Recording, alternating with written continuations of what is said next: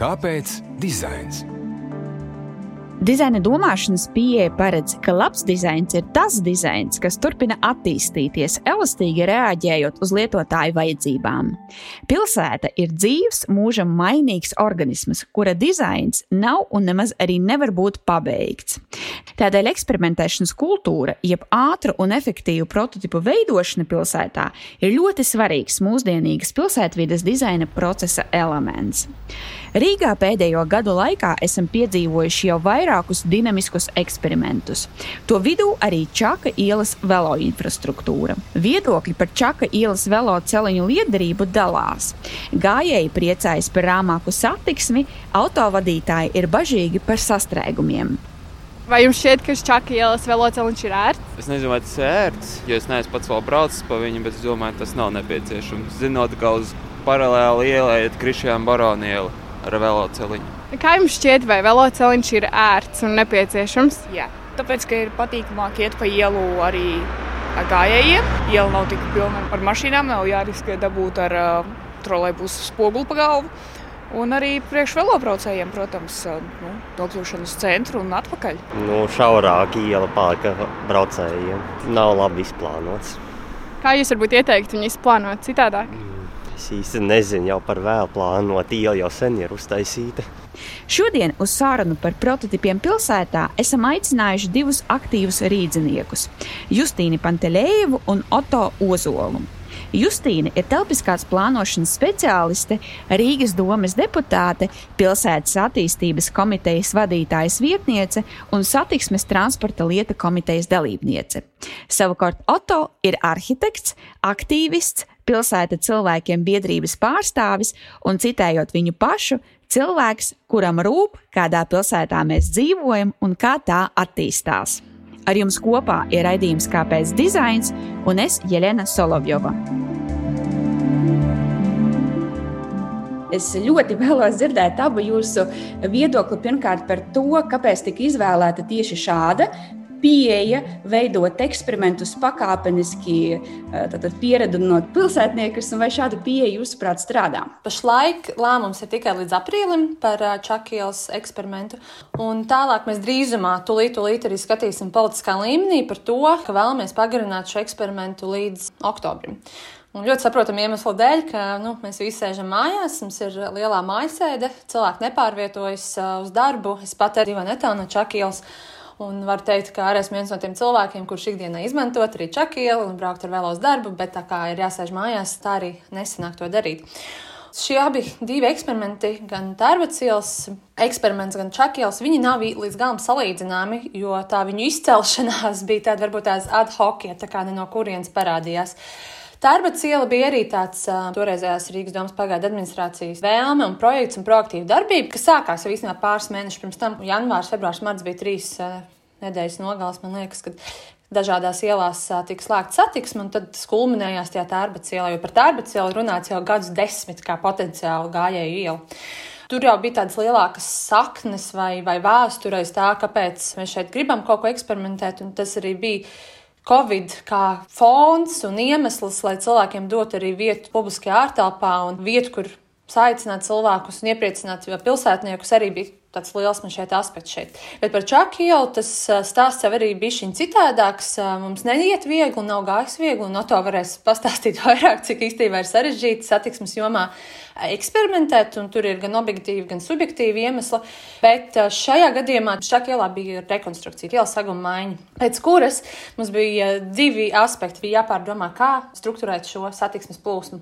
Jo pēc CSDD audita viņi viennozīmīgi pateica to, ka esošajā situācijā, kā mums bija tad divas joslas nodalītas, bet ar četrām rindām braukšanas. Šāda situācija neatbilst nevienam drošības standartam. Līdz ar to šādi darīt vairs nevar. Šādu situāciju mēs zinām gan kā gājēji, gan kā autovadītāji, kad šādās ielās, kuras nav domātas četrām rindām, ir ļoti šauri, nedroši, nav pats optimālākais risinājums. Līdz ar to tas status quo oktobrī bija par to, ka nu, mēs nevaram darīt šādu, un mums jautājums bija, ko mēs šeit gribētu redzēt. Tas eksperiments par velojoslu bija balstīts uz to, ka mums principā vajag velojoslas pilsētām.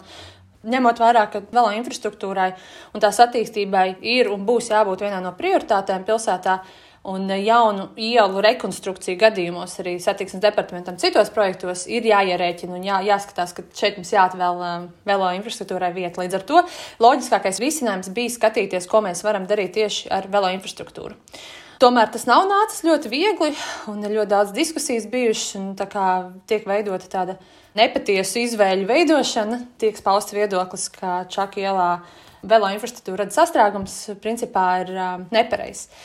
Tomēr šis process nav bijis viegls, un mēs vēl visi ļoti, ļoti mācāmies, kā veidot eksperimentus, kā balstīt viņus, kā pieņemt lēmumus, kā ievākt datus un kā virzīties pa posmiem, tātad iteratīvi. Vēlēs ko piebilst? Ah, jā, pamats bija tāds, ka tā iela nevarēja palikt tāda, kāda viņa bija. Un uh, mēs jau paši ilgstoši bijām novērojuši, ka tā iela nīkuļo un ka viņa ir tāda vieta, kur uh, veikals un visi tie pirmā stāva uzņēmēji tur ilgstoši neusturās. Viņas laiku mainās, mainās, un tā iela tāda pamesta un nobružājusies, bet ja paskatās kāda tā arhitektūra, ka tā vide tur ir brīnišķīga. Tā ir autentiska jūgenstila arhitektūra visā ielas garumā. Tā pirmā stāva, visa tā telpa un tā satiksmes organizācija vienkārši to ielu padarīja nebaudāmu. Un tad drīzāk tas eksperiments ir ne tik ļoti par velo joslām, bet par pilsētvidi. Tāda eksperimentēšana tieši ir labs veids, kā nevis izstāstīt, ka iela varētu būt labāka, bet uh, parādīt un ļaut cilvēkiem izbaudīt to, ka ielas var būt savādāk. Tas pats tās bija pat tērbats iela, kad mēs jau gadiem, desmitiem runājām, ka tā varētu izdarīt. Un tas pats stāsts arī par čaku ielu. Eksperiments patiesībā ir tikai sācies, ka tas ir tikai vēl process, jo ielā vēl nav iestādīti koki, uzstādīts labiekārtojums, un uh, nav bijusi iespēja tiem uzņēmējiem iznākt ielas telpā ar galdiņiem, ar kaut kādu tirzniecību, ka tas vēl ir tāds process un, un tādu vērtējumu un cilvēku viedokli jau varēs tikai prasīt pēc laika. Tad, kad tā iela ir iestrādājusies, to nevar pajautāt, kā šobrīd publiski izskanēja, ka no 500 aptaujātajiem cilvēkiem 60% bija, vai nezinu, cik tur precīzi, bija pateikuši, ka viņiem kaut kas neapmierina. Tas bija pašā, pašā sākumā, kad tika uzkrāsots tikai velojoslas. Tad tādu vērtējumu varēs tikai uh, jautāt drīzāk tad, kad jā, tā iela būs iegūst to veidolu, kādu mēs gribam sasniegt. Tā būs jau vasaras periods, un tas, kas man pārsteidza, ka tur ir tika skaitīta velosatiksmes plūsma ielā. Un uh, novembrī, maksimums stundā, kad ielās ir visvairāk mašīnu, visvairāk gājēju, riteņbraucēju, tajā brīdī Čakielā 10% no satiksmes bija velosatiksme. Tas ir tik daudz, un tas ir novembris. Tas nozīmē, ka paies vēl kāds laiks, un tā iela būs iestrādājusies, un vasaras periodā tā satiksmes intensitāte ar velobraucējiem, skūteriem ir ļoti, ļoti ievērojama. Un tā vieta nav uz ietvēm. Mums vispār ir pilsētā jādomā, kā šādu jauno mobilitātes uh, veidu, kurš ienāk ļoti strauji pilsētā, kā mēs viņu risinām. Jo, ja mēs domājam par prioritāti gājējiem, kas bija arī fokus gan Čakielā, gan arī ar tērbatas ielā, ka mēs pirmkārt domājam par cilvēku, kurš staigā ar kājām, tad uh, to nevar atraut to, ka mēs atstājam zietvēm transporta līdzekļus, kuri traucē tiem gājējiem, kas skaitās mūsu prioritāte. Visos plānošanas dokumentos ir definēts tā vismaz. Kāpēc dizains? Drošības elements ir neatsverams arī šajā starpziņojumā. Es viņu uzskatītu par starpziņojumu, tas, kas tika publicēts. Tā kā varam diskutēt par kvalitāti, es arī personīgi uzskatu, ka 500 aptaujātie decembris, tas laikam tur mēnesis skaitījās, nav pietiekami. Ņemot vērā to, ka oktobrī, man liekas, tika veikta arī SKDS socioloģiska aptauja, kur tieši pretēji teica, ka 60% no aptaujātajiem vērtē pozitīvi šādas pārmaiņas un eksperimentus konkrēti čaku ielām to, ko mēs redzam, jau ka ceļu satiksmes negadījumu skaits ir samazinājies. Kas liekas, īstenībā ir loģiski. Mēs saliekam, ka viens plus viens ir divi. Mēs samazinām satiksmes plūsmu, mēs iedodam rudenī, mums bija droša infrastruktūra. Varam noņemt velo braucējs, kas nejūtas droši, vienkārši dalīt telpu un nenodalītā brauktuvē ar, ar auto, viņi tad var izmantot drošu infrastruktūru. Cilvēki mazāk tiek apšakstīti, mazāk kā, skaņas troksnis. Kā, ļoti daudz plusu, par ko mēs šeit runājam, mainot šo dinamiku. Un, uh, un uzsveru tiešām tas, ka tā publiskā informācija, kas parādījās, tas nav gala. Viņi tiek pasniegti par tādu jau gala informāciju, ka kā, cilvēkiem tur nepatika. Bet arī, ja mēs uz, uztveram šo eksperimentu un, un zinot to, tas Covid laiks ir mainījis mūsu paradumus, un mēs nevaram tagad neko objektīvi uztvert. Mums ir jāpagarina, mums ir jāskatās vasaras posmā, un tad tās problēmas, kas parādījušās, mums ir aktīvi un proaktīvi jārisina. Nevis jāpasaka, tāpēc mēs to nevaram darīt. Ir darba grupa, kurai droši vien jāstrādā būs daudz aktīvāk, ņemot vērā arī šo starpziņojumu, bet noteikti šādu veidu eksperimentus nevar arī norakt, tāpēc ka bija viens slikts starpziņojums. Cilvēki nepārvietojas, principā mēs sēžam mājās, jā, ir konflikta situācijas, bet, nu, teiksim, ar um, transporta plūsmām un sabiedriskā transporta, bet tas ir viss jārisina. Tas ir tā pilsētvidas eksperimenta būtība. Īsumā, jebkuru pilsētvidas pārmaiņu ļoti būtiska sastāvdaļa ir arī komunikācija. Pilsētā ir ļoti, ļoti aktīva loma jāieņem tieši tādā skaidrošanā, rādīšanā, jo tas prototyps ir ielās, bet varbūt cilvēki vēl nesaprot tos mērķus, kurus mēs gribam sasniegt.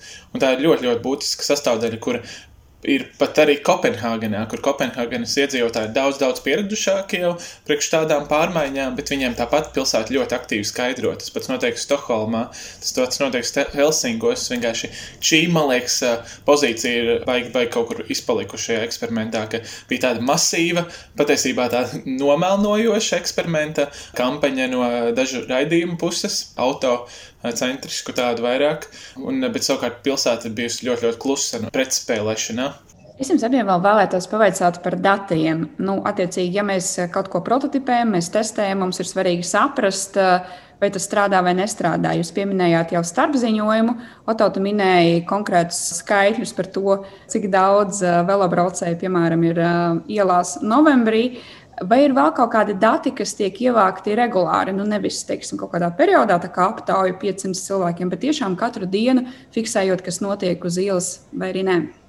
Esmu tajā darba grupā. Vienīgie dati, kurus mums tiek iesūtīti, ir par sabiedriskā transporta kavējumiem. Šobrīd var redzēt, jā, ka tie kavējumi nav. Tas, kas man ļoti, ļoti interesētu, kas ir tas kritiskais auto daudzums, kurš rada tos kavējumus. Patiesībā jau pirms eksperimenta Čaka ielā jau vairākus gadus tā iela faktiski funkcionēja remontdarba laikā ar divām auto joslām. Un tas ir periods, kur laikā mēs varam izmērīt, cik bija auto plūsma pirms remontdarbiem, cik šobrīd. Un tā plūsma ir ļoti, ļoti būtiski kritusies ne tikai dēļ Covid, bet paradumi mainās, ka viņi grib apbraukt apkārt kas parāda to, ka cilvēki ir ļoti, ļoti fleksibli. Tas ir īstenībā arī viens no instrumentiem, kā Nīderlandē plāno satiksmi, it kā piespiedu kārtā, ja remontējam, tad mums ir kaut ko jāsašaurina, un tad pēc remontiem vienkārši neatver vaļā tās ielas. Un tas pats arī mums sagaidāms ir ar, Baltiku nākotnē, ka būs milzīgi satiksmes ierobežojumi, kuri vienkārši piespiedīs cilvēkus mainīt paradumus. Jā, bet par datiem, par čaka ielu tiek mērītas kaut kādas arī gaisa piesārņojuma, trokšņa piesārņojuma līmeņi kurus varētu īsumā interesanti salīdzināt ar kaut kādām blakus ielām, vai nu to pašu brīvības ielu vai Valdemāra ielu.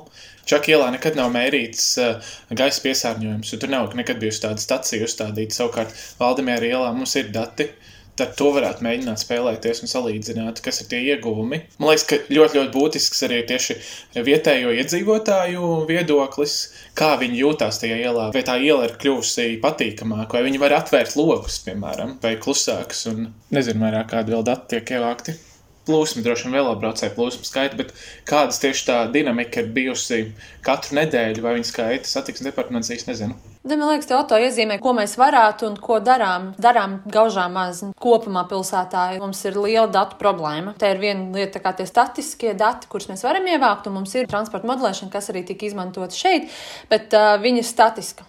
Mums vajag uh, dinamisku, kas nozīmē uh, iegūt datus tādā īstā laikā.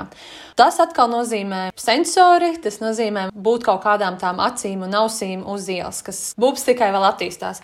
Tērbacielas gadījumā mums bija arī partneri, ko LMT testēja par gaisa piesārņojumu, jo pilsētā pašreiz nav pieejama tādā ielu līmenī. Mēs varam matemātiski sadalīt un, un skatīties, bet tādā ielu līmenī mums nav simtprocentīgu skaidrību par to, kāda ir jā, gaisa piesārņojuma situācija. Jo mēs tagad arī ļoti autocentriski domājam no datiem. Tas viss arī čakielā, kas mums ir uzlikts uz galda, dati ir par uh, sastrēgumu datiem, kavējumi sabiedriskam transportam, kur ir, bet ļoti minimāli. Skatījos arī šos apziņojumus, bija diezgan pārsteigta, jo nu, bija ļoti negatīva arī ažiotāža arī no Rīgas satiksmes puses novembrī, decembrī par to, ka liela kavējuma.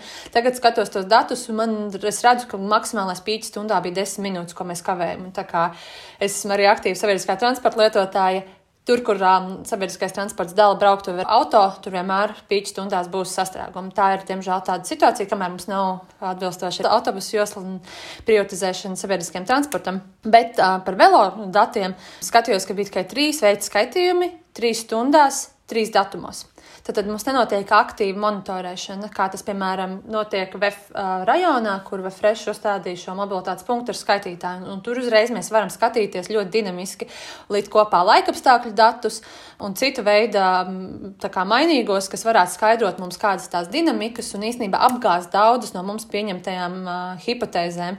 Vēlamies eksperimentēt. No vienas puses mums ir bijis šī balto darīt, tad mēs saņemamies, bet aizmirstam par tādu ļoti svarīgu aspektu kā dati un pēc tam viņu izvērtēšanu. Man jāļauj arī izpildvarēm speciālistiem ievilkt elpu bišķiņu uzticēties tam visam procesam, kas ļoti ko auto iezīmēja, ir grūti, ja mums ir publiskajā telpā divas nometnes, konflikta grupas, kas viens otru brēc, un tad mums kaut kur pa vidu ir jābūt un jāsaprot, kas ir tā taisnība. It īpaši, tad jums nav datu, vai ne? Tas vienkārši padara to visu neiespējamu. Un ar eh, konflikta grupām jūs domājat? Autobraucējs un vēlābraucējs tā kā es pat neesmu velo braucējs, tad man liekas, tas ir pilnīgi bezjēdzīgs pasākums. Es esmu autobraucējs, nu jau tagad, kad satiksmē piedalās daudz mazāk automašīnas nekā ierasts, nu, tā, sakarā ar Covid, tad uh, ir tādi sastrēgumi vienkārši. Ja būtu parastā ikdienas kārtība, tad man liekas, tā čakīla vispār nekustētos uz priekšu. Satiksmes viedokļa liekas, ka viņš nav pārāk pārdomāts. Jāpilnveido viņš būtu. Pirmkārt, viņš nav veloceliņš, jo viņš nav norobežots kārtīgi. Viņi nevar saprast, ka brauc pa viņu. Manā gadījumā jā, jo viņš tieši savieno manu māju un manu darbvietu. tā kā tāds ka viņš man radīts. es domāju, ka ir jāņem vērā to, cik daudz cilvēku vispār ir kas uh, brauc ar riteņiem, vai kāds ir skaitījis, cik uh, pa baronu ielu, skolas ielu kopēji, cik potenciāli tie, kas šajā maršrutā varētu braukt. Ir atkal jāizvērtē to, vai tomēr nebūtu izdevīgāk, ka šeit būtu vairāk vietas mašīnām. Es pat kā riteņbraucējs tomēr uzskatu, ka arī, arī mašīnām ir jābūt visiem ērti. Gribēju jums noslēgumā pavaicāt, par kompromisiem un par kopā sadzīvošanu. Jo pilsēta ir vide, kur miedarbojas ārkārtīgi liels cilvēku skaits, un šie cilvēki ir ārkārtīgi dažādi. Katram ir savs priekšstats par to, ko nozīmē mana ērta pilsētvide un ko man nozīmēs ērta pilsētvide pēc desmit gadiem. Es gribēju jums vaicāt divas lietas uzreiz. Viens ir, kā atrast kompromisu starp šiem tik dažādiem cilvēkiem, un otrs ir, kā atrast kompromisu par to, ko man vajag šodien un kādu es vēlos redzēt pilsētu, piemēram, pēc pieciem vai pēc desmit gadiem. Pilsēta jau nevar rasties tādā vienā dienā. Nesen es īstenībā tikai pirms pāris dienām lasīju jā, par to, ka ir neizpratne, ka bruņinieki ielas vēl jostas beidzas nekurienē. Bet patiesībā jau nevar pieprasīt to, ka tāds velo infrastruktūras tīkls attīstās vienā vai divos gados visā, visā, visā pilsētā. Jebkurš uzlabojums ir eh, ceļš uz kaut kādu labāku pilsētu. Šobrīd jau tā pilsētvide patiesībā nav tāda līdzsvarā bet ka viņi ir tiešām orientēti un pakārtoti tikai un vienīgi auto. Un reizēm tāda dusmīga attieksme, ka mēs pišķiņu uzlabojam vienā ielā kaut ko, un ka tas jau tiek uztverts kā jau atņem visu, visu. Tāpēc man liekas, tas kompromiss un līdzsvars ir tieši tā, ka, ka mēs visi varam kopā sadzīvot tajā pilsētā. Un, man liekas, tāda tiešām laba piemēra ir tieši tā topošā bruņinieka iela un arī sporta iela, kur tiek veidot uzlabojumi, kuri, kuri ir ērti gal galā visiem. Ne jau pilsēta ir statisks objekts, un arī izpildvara un speciālisti viņās ir.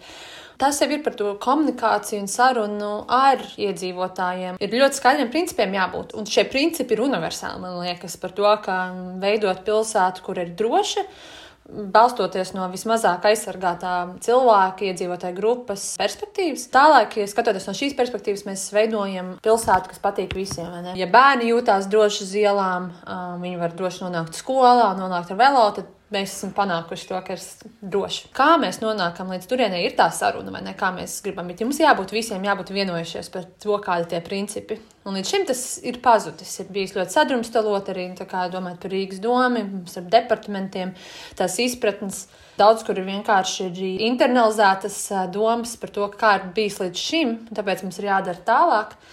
Bet salāgošana, interesi īstenībā mums visiem beigās ir ļoti līdzīgi. Mēs gribam īstenībā līdzīgas lietas, un tas ir par to pielāgošanos, komunikāciju, fleksibilitāti. Skatoties no tādiem ļoti objektīviem virzieniem, kā samazināt sejas satiksmes negadījumu skaitu, mirušo skaitu uz ielām iziet tikai no šī, nerunājot par viens vai otru pārvietošanās līdzekļu veidu, mēs varam uzlabot pilsētu un pilsētu vidi visiem. Tas sociālais kapitāls Latvijā, manuprāt, ir ļoti zems, un to mēs redzam ļoti daudz dažādos aspektos, arī par mājokļu sektorā, runājot par to, kā, kā renovē vai, vai veido energoefektivitātes projektus cilvēki vienkārši negrib, neredz to jēgu, un līdz ar to vispārējie cieši. Ir bijusi tā, tā pieeja, mans ir līdz manām durvīm. Bet īstenībā mūsu kāpņu telpa, mūsu dārzs, mūsu ielas. Mēs visi atbildam par to. Un, jo mēs vairāk sāksim runāt un meklēt kompromisus caur šo kopīgo prizmu, jo ātrāk mēs mazināsim šīs lielās grupas, kas vienmēr iestājas tur Rīgas doma pret aktīvistiem, auto pret velo. Tas ir izveidotas dihotomijas, kam nav obligāti tur jābūt. Es, es ticu, ka mums ir vairāk kopīgs nekā atšķirīgs, bet tā Covid atšķirība un uh, sociālo tīklu ietekme rada lielāku to efektu nekā viņš patiesībā ir. Nu, burvīgi. Izklausās gan, ka, lai spētu droši vien domāt ārpus savām durvīm. Vienalga, vai runa ir par mājokli, vai par automobīlu, vai par kaut ko citu.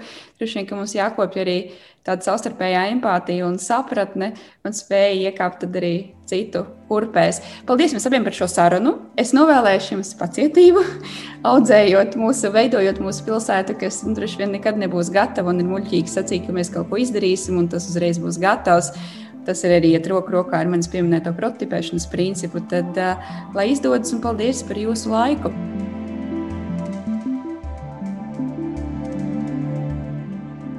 Raidījums, kāpēc dizains ir izskanējis. Ar jums kopā šodien biju es, Jelena Solovjova. Raidījumā viesojās pilsētplānotāja Justīna Pantelējeva un arhitekts Oto Ozols. Raidījuma redaktore ir Inga Saksone, to montēja Andra Černievska. Paldies Latvijas Universitātes studentei Elizabetei Eltermanai par ielu ekspresa intervijām. Uz tikšanos!